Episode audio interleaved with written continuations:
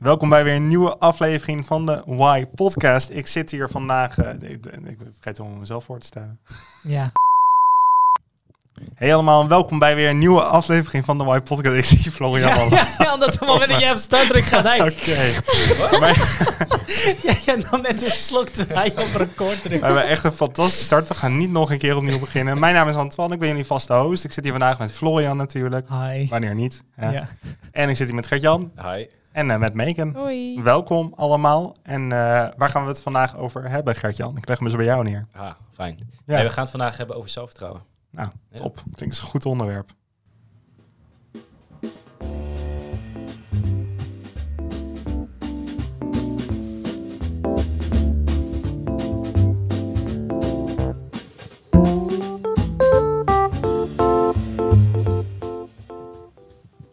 Die solo blijft Je fantastisch. weet toch? gewoon wanneer die komt. Dan ga je Ja. even afdekken. Eh. Ik bedoel, dan moet je wel veel zelfvertrouwen hebben in je solo, toch? Ja, Dat te precies. Ja. Dat hij dan niet komt een keer, weet je wel. Oh ja. Ja, Ja. dat is wel bijzonder. Je, eh. Ik Anyway. weet het ook niet. We gaan het over zelfvertrouwen hebben vandaag. En eh, dat is eigenlijk ook wel een beetje eh, in nuance op de vorige aflevering hebben we het natuurlijk over eh, depressie gehad. Ja. Ik heb net besloten dat we ze in die volgorde gaan uploaden. Eh, eh, dat is natuurlijk best wel een wat, ja, een wat heftiger onderwerp in die zin. Eh Meek, je Mhm. hebt eigenlijk al heel mooi verteld over jouw verhaal en ehm, ja, de- over jouw ervaring. En eh, ik denk dat zelfvertrouwen in die zin toch een onderwerp is wat aansluit eh, daarop. Omdat het, ja, ja, dus in die zin denk ik iets algemener. Het is niet waar iedereen mee... Of nee, het is juist iets waar iedereen mee waar te iedereen maken wel mee te maken heeft. Ja, precies. Ja. Ik had er een paar quotes over gevonden. Ik zal eh, eentje, een leuke eruit halen van Eleanor Roosevelt. Die zei, no one can make you feel inferior without your consent. Dus niemand kan je je in, inferieur, dus minderwaardig laten voelen, zonder jouw toestemming. Vind ik wel een hele krachtige quote. Ik weet niet of ik het er helemaal mee eens ben. Waarom ben je het er niet mee eens? Daar ben ik benieuwd naar. Omdat ik vaak genoeg heb dat door wat andere mensen zeggen, ik me minderwaardig ga voelen. Mhm. Dus ik snap hem wel, dat je daar dus zelf controle over hebt, maar zo voelt het niet. Nee, ik denk ook dat het in die zin meer een oproep is. Dus ehm, Het is iets dit, is hoe het zou moeten zijn. Blijven, ja, precies. blijven zeggen ja, van, jij mag niet bepalen of, ik Ja. of ik me minderwaardig ga voelen. Zeg maar. precies. Tenminste, dat is mijn... Ik ga erover wat jij zeg maar, tegen mij in principe kan en wel en mag en niet zeggen. Zeg maar. Ja. ja, en dat is uiteindelijk, weet je, iedereen kan wel iets tegen je roepen en uitspraken doen. En je bent dit en je bent dat. En, maar uiteindelijk is het, ehm, en het is niet dat het alleen jouw verantwoordelijkheid is, dat absoluut niet. Maar uiteindelijk komt het er wel neer hoe jij ermee omgaat. En wat voor plek jij het geeft in je leven. Als jij er heel veel waarde aan hecht, dan wordt het pas een dingetje. Want op het moment dat iemand het zegt, zijn het alleen maar woorden. Jawel, maar ik vind dat zo lastig omdat je dan een soort van de schuld legt bij iemand zelf. Absoluut. Voel jij dus- je minderwaardig? ja. Ja. dat is je eigen schuld. En, en dat is dus absoluut niet zo. Want het is, ja, uiteindelijk heeft het natuurlijk ook te maken met wat andere mensen zeggen. En sommige dingen moet je gewoon niet zeggen. Dus er zit een dubbele verantwoordelijkheid in. Want ik denk wel dat op het moment dat dus die andere kant daar niet verantwoordelijkheid in neemt, of kan nemen, ehm, dat die dan uiteindelijk bij jezelf neerkomt. Van, hè, wat doe ik ermee? Wat Mhm. voor plek geef ik dit? Ja, Maar dat is niet makkelijk. Ja, ik denk sowieso eigenlijk dat je altijd de verantwoordelijkheid bij jezelf kan houden. Want als je echt, echt zelfverzekerd bent, dan kan iedereen alles tegen je zeggen. Maar dan, eh, dan denk ik niet dat het je echt raakt. Nee. Maar dan heb je het dus al. Ja, Ja. Heb jij veel zelfvertrouwen? Nee. Kort maar krachtig. Ja, nee, duidelijk. Nee. Ja. ja sommige dagen dan wel hoor. Maar eh, het, dat is echt zo wisselend. En waar duidt zich dat voornamelijk in? Ehm, ja, als ik me heel zelfverzekerd voel, dan loop ik gewoon rechtop op straat en vind ik alles leuk en vind ik mezelf er mooi uitzien en eh, ben ik ook aardiger tegen mensen. En als ik onzeker ben, kijk ik naar de vloer, eh, neem ik geen initiatief, ehm, hou ik me wat afweziger. En voor jou, Gert-Jan? Waarin uit? Ehm, eh, Ja, dat, een beetje hetzelfde. Als je me heel vrolijk voelt, dan, ben je vaak, dan zit je lekker in vel. Ben je vaak wat zelfverzekerder en dan kom je wat makkelijker in eh, gesprekken met andere mensen, zeg maar. En maak je makkelijker wat grappen, zeg maar, wat gedurfdere grappen, zeg maar. Mhm. Je durft meer dingen te doen. En ja, als je niet zelfverzekerd eh, voelt, dan inderdaad, dan ga je jezelf nou, lelijker voelen of zo. zeg maar. Ja, ja. Dat is een beetje een raar gevoel, maar dat, zo werkt het wel. Ja, ik, En, ik eh, besefte op een gegeven moment dat, eh, dat ik aan mezelf heel goed kon meten of ik goed in mijn vel zat of niet. doordat ik in de, eh, naar mate van wat voor, eh, of ik grappen ten koste van mezelf kon handelen, zeg maar. Hm. Als ik die niet kon handelen, dan wist ik, nou, dan zit ik niet lekker in mijn vel, heb ik weinig zelfvertrouwen.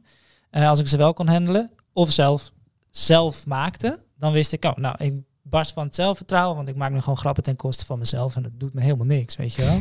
Gewoon lachen om mijzelf, ja. Ja. Ik, ik zei, het was wel grappig, want ik zei eigenlijk vroeger altijd dat ik, dat ik niet onzeker was.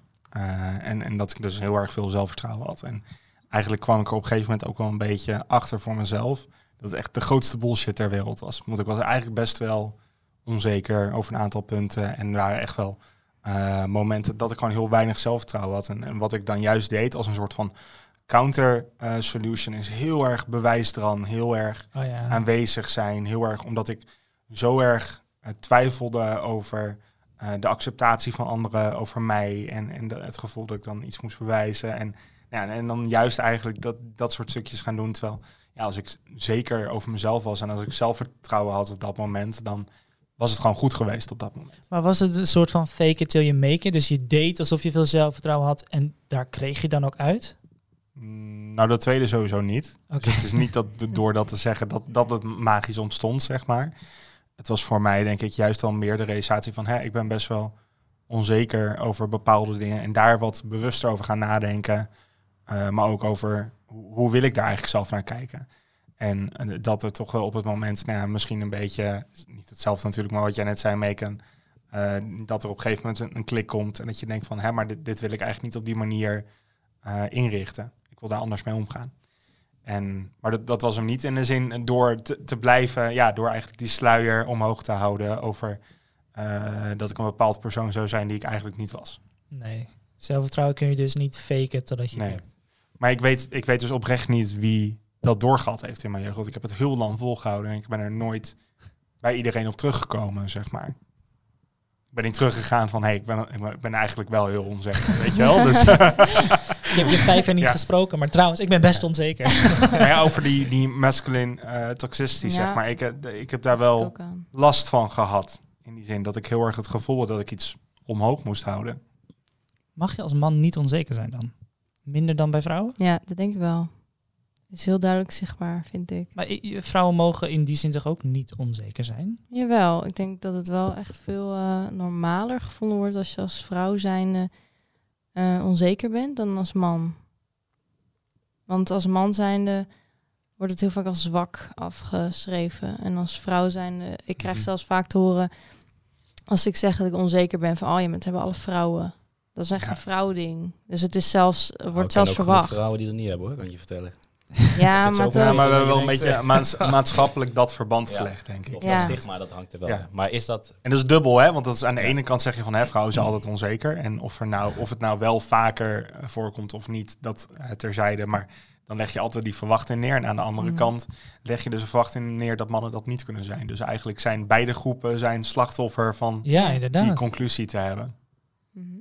Maar zijn jullie het ermee eens dan? Mag je als man zijn en niet eh, onzeker zijn, niet huilen zeg maar, bij bepaalde dingen en niet je emotie tonen? Nee, natuurlijk niet. Nee. Nee, je mag Nee. niet huilen, nee. Nee, maar dat is Nee, een beetje nee, een stigma, ja. toch? Want als mannen dan huilen, dan voel je, ben je zwak, zeg maar. ik heb het geluk dat ik eigenlijk al mijn hele leven in, in ieder geval deel van de tijd zeg maar in een omgeving ben waarbij dat absoluut wel kan. Ik heb letterlijk voorbeelden gehad van volwassen mannen die op bepaalde momenten gewoon huilden en dat ik daar een voorbeeld aan kon nemen en dat ik wist van oh dat, dat mag gewoon. Je mag je gevoelens hebben en uiten, eh, ook als man. Ja. Ik weet niet of jullie dat ook hebben. Of gehad.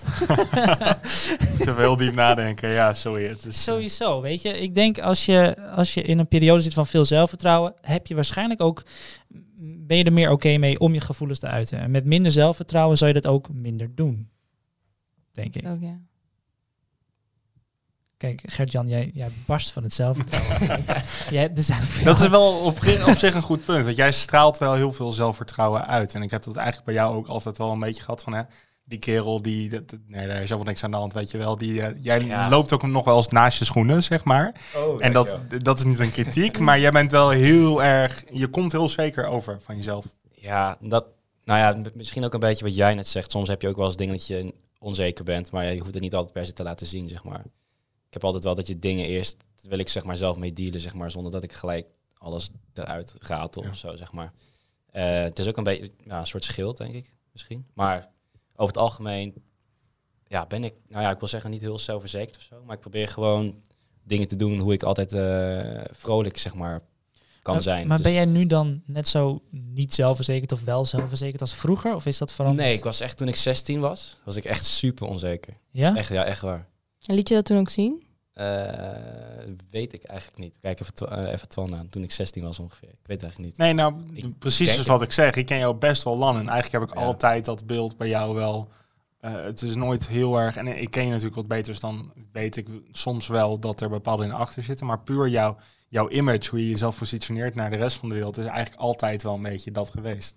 Ja, Alleen ik dat is weet waar. wel dat je er vroeger wat arroganter in kon zijn. Om Ja. je maar even nu gewoon even naar de Ja, dat voorgrond is te dus- trekken. Dankjewel. Ja. Nee, dat is dus denk ik meer dat scheelt. Dat, dat Ja. arrogante, zeg maar dan. Dat je dan jezelf wat, ja, zeg dat, beter op de voorgrond Ja. wil zetten of zo. En dat moet ik eerlijk zeggen, de laatste twee jaar ben ik er juist heel erg mee bezig. Dat ik niet meer, eh, soms dan wil je zeg maar zo'n leuke grap maken. Omdat mensen die dan leuk gaan vinden, zeg maar. Ja, maar dat heb ik nu niet Ja. meer. Dat is, eh ja, maak daar je heb ik dus nooit heel- meer leuke grappen. Nee, ik Nee. bedoel zeg maar niet dat ik, dat ik die niet viel zeg maar om een leuke grap te moeten maken. Zeg maar. dat, Ja. Dat is helemaal weg. Nou, maar en, en dat, eh, nou, dat kan ik in die zin dus ook wel bevestigen. Dat het, eh, het is allemaal wat minder geforceerd. Dus je, je bent nog Ja. steeds dat je dat zelfvertrouwen uitstraalt. Maar het is niet meer arrogant. Het is eh, nou ja, soms nog een beetje naast je schoenen lopen. Zeg maar. die nou, is het daar nou Dit is gewoon een heel persoonlijk verhaal, oké. Ik spreek gewoon uit mijn ervaring. Spreek ik Ja, maar moet dit ja. in een live opname, Twan? Dat is de vraag. Ja, Tell me why. Nee, maar dat is het denk ik wel inderdaad. Dat je... eh, ja, dat geforceerde inderdaad. Dat is denk ik wel Ja. een goede woord. Eh, Dat, dat is er... eh, ik denk als je onzeker bent, dan ga je dingen forceren. nou, ik En denk dat, er dus wel een stukje empathie ook in zit. Ja. En, ik- ja. en Ja. naarmate ik ouder word, zeg maar... Ik ben nog steeds nog maar 22, dat is nog best wel jong. Maar ja, dan gaat dat geforceerde gaat gewoon af. Want Ja.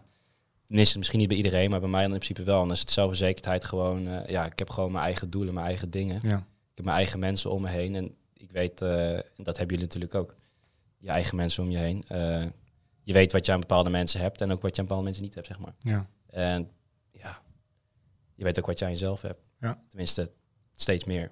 Dus, Ja. Zijn dat manieren waarop je je eigen zelfvertrouwen kan opkrikken? nou, het zijn wel dingen die ik tegen mezelf altijd eh, zeg als ik in de spiegel kijk soms. Dat je soms even wat jezelf wat moet, moet in moet praten of zo, zeg maar. Ken je dat? Ja, nou, ik heb laatst nog een opdracht gekregen dat ik dat moet gaan doen. Om mezelf complimenten te geven in de spiegel. Oh ja. Maar eh, ik vind het nog een beetje onwennig. Ja, het is er wel onwennig. Maar soms dan zit je te denken en denk je van shit, daar ben ik nou ja, onzeker over of zo. En dan is het zo van, dan moet je jezelf maar zeg maar gaan aanpraten dat, het, dat je dat best wel gewoon normaal is. Het schijnt te Dat, helpen, dat je toch? gewoon, gewoon accepteren, zeg maar. Nou, ik heb, niet, ik heb op een gegeven moment heb ik een paar mensen die opdracht dus meegegeven om die spiegelproef te gaan doen. Nou, toen moest ik hem natuurlijk zelf dus ook doen, want ja, anders kun je niet echt die opdracht eh, geven. En, eh, maar we hebben iets anders, niet zozeer alleen het compliment geven aan jezelf, maar ook wel ehm, een confrontatie met die persoon in de spiegel aangaan op dat moment. Dus ook het kunnen benoemen van, ehm, ik vind je een enorme klootzak, want eh, je doet dit en dat. En eigenlijk dat alles wat je in jezelf hebt, echt als een ander persoon positioneren.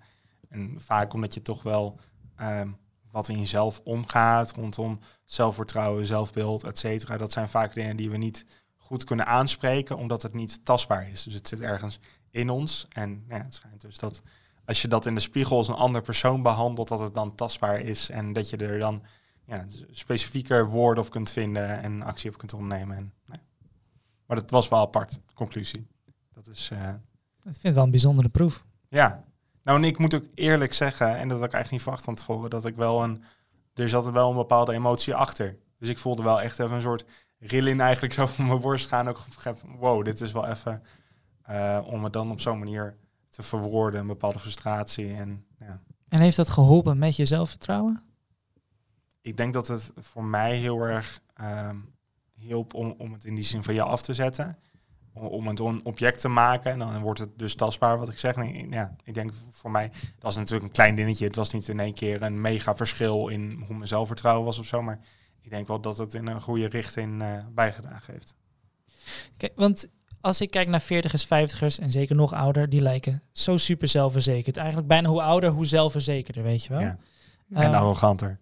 Ja, op Ja. wel. Ja, nee, absoluut. Is wel Ja. zo. Dit is een Ehm, jongere podcast, dus dat kan ik hier zeggen. Nee, Ja. maar als je, als je een vrouw van 70 ziet schreeuwen tegen een bank overvallen, weet je wel, van, van doe normaal of zo, dan misschien Ja. geen bank overvallen. Maar hè, iets in die trant. Je, ziet- je hebt dat soort filmpjes bestaan. En je denkt van, "Oh, maar je bent een vrouwtje van 60, 50 kilo. En dat is een gespierde gast. Hoe durf Ja. je dit te doen? Maar het is gewoon ja, een bepaald soort zelfvertrouwen dat je door de jaren heen, denk ik, ontwikkelt. En ja, ik ben een stukje ouder dan jullie drie.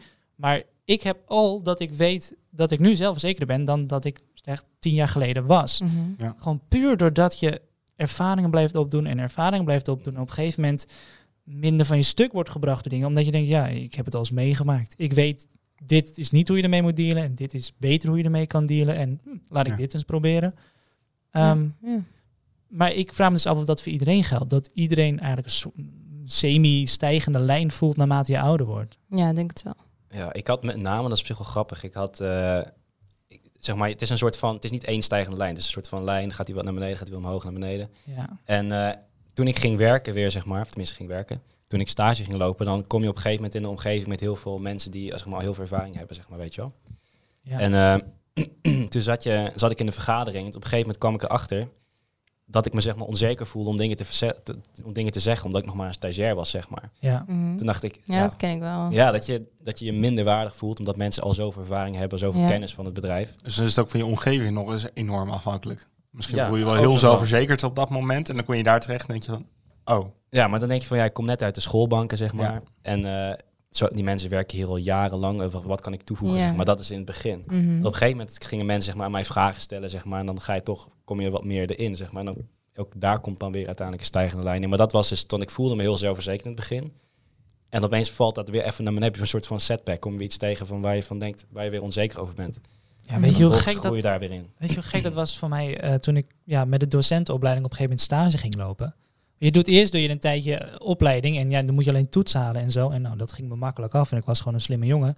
En dan op een gegeven moment moet je letterlijk aan mensen gaan vertellen hoe het moet. En dan denk je, maar wie ben ik om dat te gaan vertellen? Ja. Dat is vet raar. Ja. En je hebt ervaren docenten naast je die het allemaal veel makkelijker en beter en efficiënter kunnen. Ja. Dat is echt zo'n... dit herken Ja, ik echt groot enorm. contrast. Ik had het ook toen ik eh, uit school kwam en toen ik echt ging werken. De eerste niet bijbaantje eh, baan, zeg maar. Toen was het opeens van, wow, wacht even. Ik ben hier aangenomen omdat ik expert ben in dit, eh, Ja, in ja. dit veld. En dat was zo'n schok voor mezelf dat ik ook dacht van, ja, maar kan ik dit eigenlijk wel vertellen? Die mensen zijn tien jaar ouder dan mij. En dan kan, kan ik in die zin wel nu hun iets vertellen over hoe dit en dit werkt. En Ja. ja, het gaat beter, maar ik snap, dat is voor mij inderdaad ook wel... Het is Apart. überhaupt met Engels dat ik nou pas sinds kort als iemand zegt, ja, maar jij bent wel goed in Engels, dat ik zeg, ja, dat klopt. ja, dat klinkt misschien arrogant, maar ja, ik heb er jaren voor gestudeerd en ik heb er les in gegeven. Ja. Ehm, maar heel lang heb ik zoiets gehad als mensen zeiden van, ben je goed in Engels? Ja, ja, absoluut, weet je. Weet je dat je het een beetje bagatelliseert. Maar, Ja, Maar je roept het dus niet van de daken, want Nee. je, je, eh, ik wist dat wel een beetje natuurlijk. En op een gegeven moment was ik dus, jij was van, hè, als je die tekst dan klaar was in het Engels, run hem even langs mij. Prima. Ik zie op een gegeven moment jouw LinkedIn profiel en ik zie, je hebt dit in Engels afgerond, je hebt dit in Engels afgerond. En toen zag ik opeens een drie certificaat en ik dacht, oké.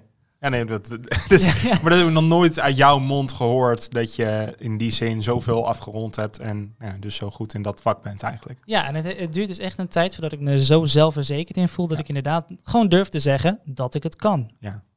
Maar dat is, en dat, we zeiden het net al, wanneer gaat dan zelfvertrouwen en dat uitstralen over in arrogantie? Ja, dat vind ik een lastige balans. Ja. Het is letterlijk een van mijn angsten om arrogant over te komen. Ja. Ik gooi Ja, dat altijd een, beetje, altijd een beetje van dat kokkie arrogantie in. Soms een beetje humor, zeg maar. Ja, dat is waar. Ja. En omdat Ja. dat, maar ik vind, je moet niet te arrogant zijn, maar soms is het ook, kan je dat ook, zeg maar, zelfverzekerd mee uitstralen als je een klein beetje kokkie, zeg maar, soms. Klopt. Ja. Dan, ook gewoon om denken mensen, zeg maar, ook mensen mee uit te dagen soms, zeg maar, weet je wel. Ja. Dat vind ik ook dat wel leuk, om een beetje te teasen soms. ja. Maar het is ook wel lastig, want dit is ook heel erg afhankelijk van je groep. Want sommige mensen kunnen dit heel goed hebben. Sommige mensen kunnen hier helemaal niet tegen. Maar dat is een beetje aanvoelen, Ja. zeg En ik denk dat Dus, dat ook weer een verschil maakt in of je een man of vrouw bent. En niet altijd, maar wel vaak. Want als je dat als vrouw doet, wordt het minder goed opgevat. Heb ik het idee. Als je er Oh. echt arrogantie in gaat eh, gooien. Ja, ik doe dat Ja. niet als ik met heel veel rende mensen, gewoon met vrienden, zeg maar, dat je dan een beetje daar... Ja, dus nee, dan maar is het dan een soort van relatie die je met elkaar opbouwt. Maar inderdaad, Ja. als je dat zomaar random bij mensen doet, is dat wel een beetje vaag. ik snap je Ja. punt wel, Megan. Want Ja. ik, bij mij komt nu meteen het woord bitchy. En dat ja, is... ja, Ja, ja, ja. Hoezo dat. denk ik bij arrogant vrouwen Vaak, meteen aan bitchy? ja. Dat is Ja. een negatieve Ja, ja, term. ja. Mm. Bij mannen heb je dat niet zo sterk. Ja, dat is echt nog overgebleven. En dat, dat, dat is er nog steeds. Maar dat is nog steeds overgebleven uit de hiërarchische verband van vrouwen en mannen in de ja, zakelijke wereld natuurlijk. Dus Ja, maar het is wel erg dat ik nog steeds die associatie heb. En waarschijnlijk veel ja, maar dat is overal nog zo. Mhm. Dat is, eh, en, eh, de- nou, er wordt op heel veel fronten wordt er actief ingezet om daarvan af te komen. Mhm. Maar we zijn er nog lang niet. Ben je bang voor bitchy zijn overkomen? Nee, Eh, ik heb wel soms te horen gekregen dat ik zo over kan komen als ik dus heel zelfverzekerd ben. Maar ik ben echt vaker onzeker dan zeker over mezelf. En dan, eh, dan straal ik mezelf niet zo uit, denk ik. Maar hoe is dat dan voor jou? Want ehm, ook een beetje in relatie tot wat we net al bespraken. Hè? Van, soms kan jij dan ergens onzeker over zijn. Mm. En dan op het moment dat je dan verhoort, dan is dat in onze ervaring is het heel zelfverzekerd. En, en stel je voor dat iemand dan die opmerking naar je maakt. Van dat bitchy of van dat Mm, te ja, zelfverzekerd. dat zou ik heel gek vinden eigenlijk. Omdat ik me dan zo anders voel dan dat Ja. andere mensen mij zien. Maar aan de andere kant ook wel weer fijn. Want eh, anders zou ik nooit dus weten dat andere mensen mij zo zien. Dus dat moet je ook maar te horen krijgen van andere mensen. Maar zit er dan niet een enorme gevaar in dat jij heel erg bijvoorbeeld of iemand anders terug in je schulp zou kruipen? Ja, eh, dat is zeker zo, maar dat doe ik al. Dus eh, ik weet niet of het nog erger zou kunnen worden. Maar hoor je dat dan van mensen die toevallig dan net een keer ontmoet? Of van mensen die je al langer kent? Ehm, nee, langer ken. Want ik, bij mensen die ik net ontmoet, ga ik me niet heel zeker over mezelf eh, gedragen. Omdat ik dat meestal ook niet ben. Maar dan is dat dan ook een ding dat ze dan denken dat je het bent? Of gewoon van, oh, je was nu even zo, zeg maar. Maar over, maar over het algemeen ken ik je als zo, zo en ook nog als zo, zeg maar. Geen idee. Ik hoop gewoon dat ze denken van eh, dat ik dat dan heel even doe. Ja. Nee, want tenminste, want de mensen die je kent, die kennen je meerdere gezichten, zeg maar. Ja, Dus die accepteren dat op ja een gegeven moment ook. precies. Ja, maar die kunnen dan als het goed is ook wel aankaarten. En wat je nu deed, was toch wel... Dat Waarom? was, ja, precies. En van die mensen accepteer je dat ook vaak. Ja, Ja, dat is alleen maar fijn. Wat ik net zeg, als je geen feedback van mensen krijgt, kun je, dan weet je al dat soort dingen niet over jezelf. Ja. Dus En als je ook geen feedback kan accepteren, dan, eh, Maar dan heb je weinig heb je ook- zelfvertrouwen. dan heb je weinig zelfvertrouwen. Ja. Er zit ook geen stijgende lijn in, zeg maar. Oké, dus je moet leren dingen te accepteren of kritiek te accepteren. En dat helpt in zelfvertrouwen. Eigenlijk. Nou ja, om, nou ja, om een stijgend... Als je je niet kan accepteren of feedback niet van andere mensen kan opnemen, waarom, hoe kan je dan ooit een stijgende lijn hebben, zeg maar? Hoe kan je je ooit verbeteren als je geen kritiek kan hebben, zeg maar? Ik vind het wel een mooie conclusie. Maar het is wel, en ik wil hem dan graag zo ver nog even oppakken, maar de, je hebt natuurlijk wel een enorm verschil zitten in kritiek en feedback. Want kritiek is alleen maar iemand vertellen dat hij het verkeerd doet. En daar heeft niemand wat aan. En feedback is de vertellen dat er ergens wrijf in zit of dat jij iets als moeilijk ervaart. En eh, een suggestie doen in hoe het anders of beter zou kunnen. ja. Ja. Dat vind ik wel een wereld van verschil. En het liefste wederkerig dat je samen kijkt hoe kunnen we hier beter uitkomen. Ja. Of zo. Voordat we dat pad gaan verkennen, we hebben een heel mooi lied samen uitgekozen. Eh, Confident van eh Demi Lovato. En daar wil ik graag met jullie even naar luisteren. Yay. Time for me to take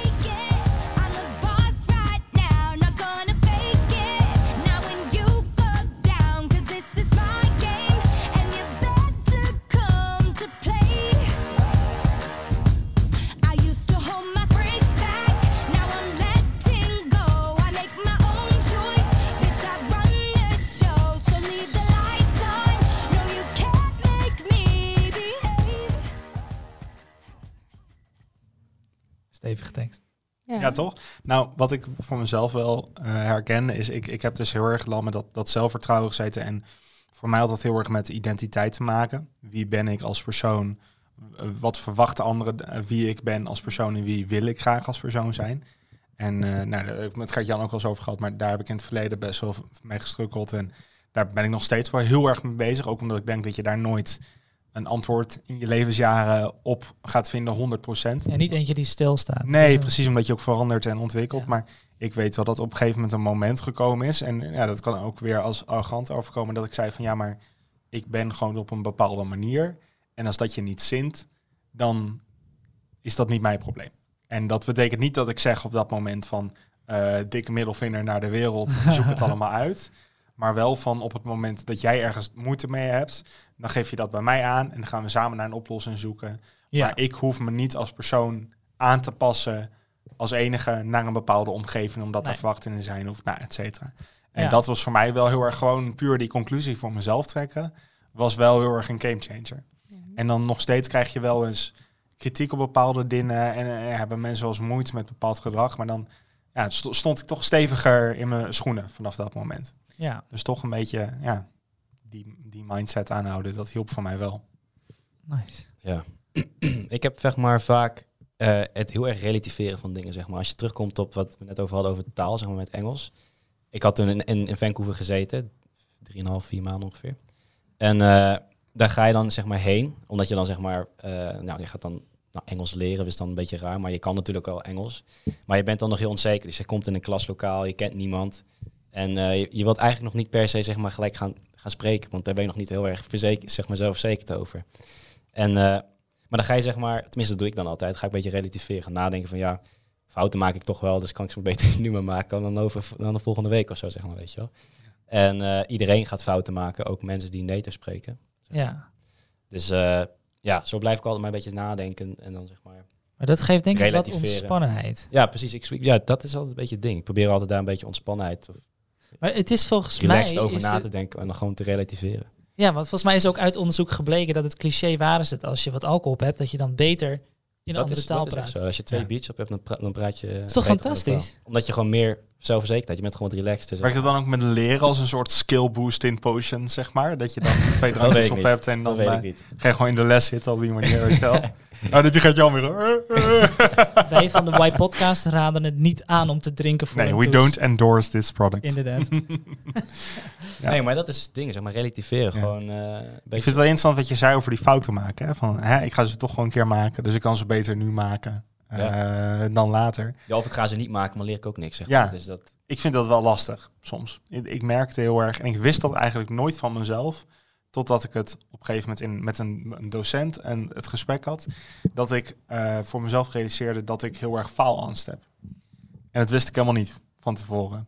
Ik, eh, ja, dat, als je dan gaat terugkijken, dan herken je van, oh ja, ik heb dat soort dingen. Maar met alles wat ik doe en alles waar ik mee bezig ben, ben ik in een, nou, in zekere zin ook perfectionistisch op mezelf en eh, op een bepaald product, omdat ik heel erg de angst heb om gewoon af te gaan of dat ik iets lever wat niet eh, voldoet aan een bepaalde kwaliteit.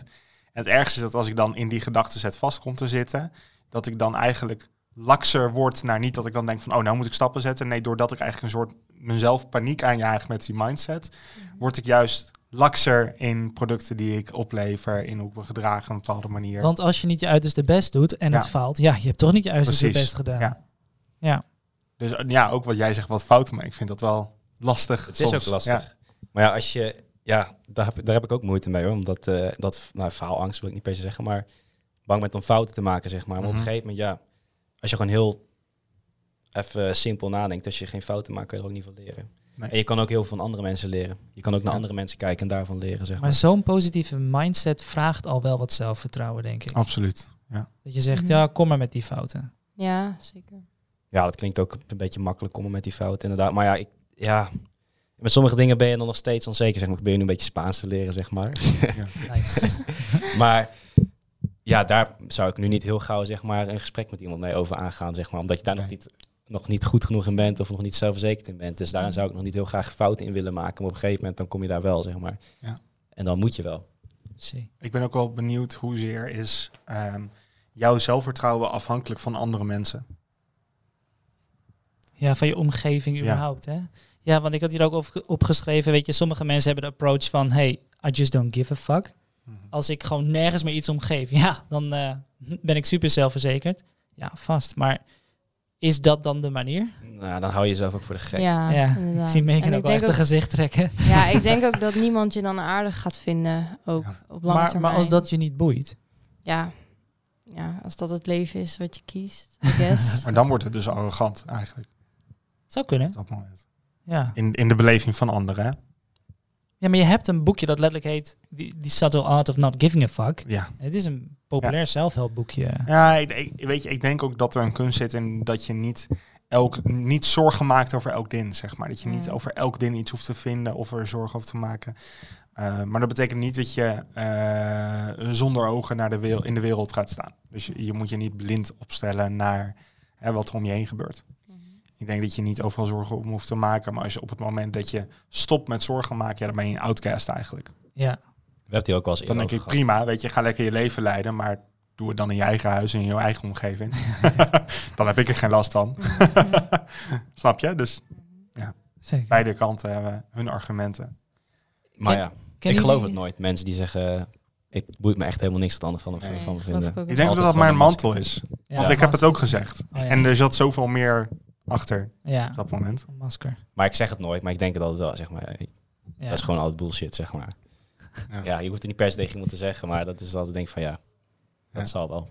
het glijdt gewoon van je af. nou ja, glijdt van je af. Dat is dat je denkt van ja, daar, komt hij nog wel, daar kom je nog wel achter. Zeg Oh, maar. Zo, je hoeft er ja, niet per se te zeggen dat je wel ergens om geeft, zeg Nee, maar. Dat nee. maakt me niet zoveel uit. Maar Hey, eh, we hebben nog een hele mooie quote staan aan het eh, einde. En eh, daarna wil ik hem gaan afronden. Nobody else knows what they're doing either. Van eh, Ricky Gervais. Ja, Ricky Gervais. Ja. Gervais. mij heb ik die ook een keer eerder gehoord al. Waarschijnlijk heb ik hem eerder genoemd, want het is Ja. eigenlijk mijn, nou niet mijn lijfspreuk. Ik wou dat mijn Wel lijfspreuk was. je... Ja. Het is voor mij een hele inspirerende quote. Niemand anders weet ook wat hij aan het doen is. Ik denk, ja, als je dat beseft, dat eigenlijk iedereen maar een beetje aanmoddert. Mhm. Ja. Ja, hoe, hoe relaxed is dat? Nou, Dan leg je denk ik de bar ook lager voor jezelf. mag ik ook aanmodderen, toch? Maar ja, is iedereen maar aan het aanmodderen altijd? Nou, jij wel, toch? Ja. Maar dat is even uitzondering. Even uitzondering. Ja. Nee, niet iedereen is aan aanmodderen, maar als in niemand is 100% zeker. Nou, misschien zijn er een paar mensen, Trump. Maar er zijn een paar mensen die, die zo'n rare, arrogan- Oh, zo'n rare arrogantie hebben dat ze zeggen, ja, ik weet precies wat ik aan het doen ben. Maar wat jij ook zei, ja, ik geloof dat nooit zo helemaal. Nee. Nee. Nou, voet voor tot. Ehm, ik denk dat we hem daarmee gaan afsluiten. We zitten alweer over onze 30-minute mark, zeg maar. En eh, ik vond het een mooi gesprek. eh. Yes, bedankt allemaal. dank Ja. jullie wel. Ja. Zeker voor jullie aanwezigheid. Bacon voorlopig even de laatste keer, maar Dankjewel. hopelijk zien we je binnenkort eh, nog een Ja. keer terug. En eh nou ja, allemaal be- nogmaals bedankt voor eh, dit mooie gesprek. Florian, waar eh, kunnen de mensen ons vinden thuis? Op Instagram kan je ons vinden eh, op ypodcast laagstreepje official. Eh, op TikTok kan je ons vinden op gewoon ypodcast. Ehm, je kan ons ook mailen op contact at. En er zit nergens zit er een streepje tussen of wat dan ook. Het is gewoon We zijn ypodcast gestopt met streepjes. Ja. Nooit aan streepjes gedaan. Nee. Ja, precies. Dat vraagteken is ook vervallen of zo. Maar het zit wel in de naam. Ook vraagt, wat? Why? Helemaal waar. En eh, als laatste oproep inderdaad, laat, eh, als je het leuk vindt natuurlijk, een eh 5-sterren review achter op eh, iTunes Het zou ons heel veel of, zelfvertrouwen geven. of een 1-sterren review, weet je. Hè? Maar dan moeit het ons niet. Nee. Dus, eh, Dan vind ik het niet interessant. dan is het niet interessant, precies. Nee, en eh, nou ja, dan kunnen misschien andere mensen weer in contact met de podcast komen. En eh, dan heb je weer je goede daad van vandaag verricht, zeg maar. Dus, hey, tot ziens. Tot volgende keer. Doei doei.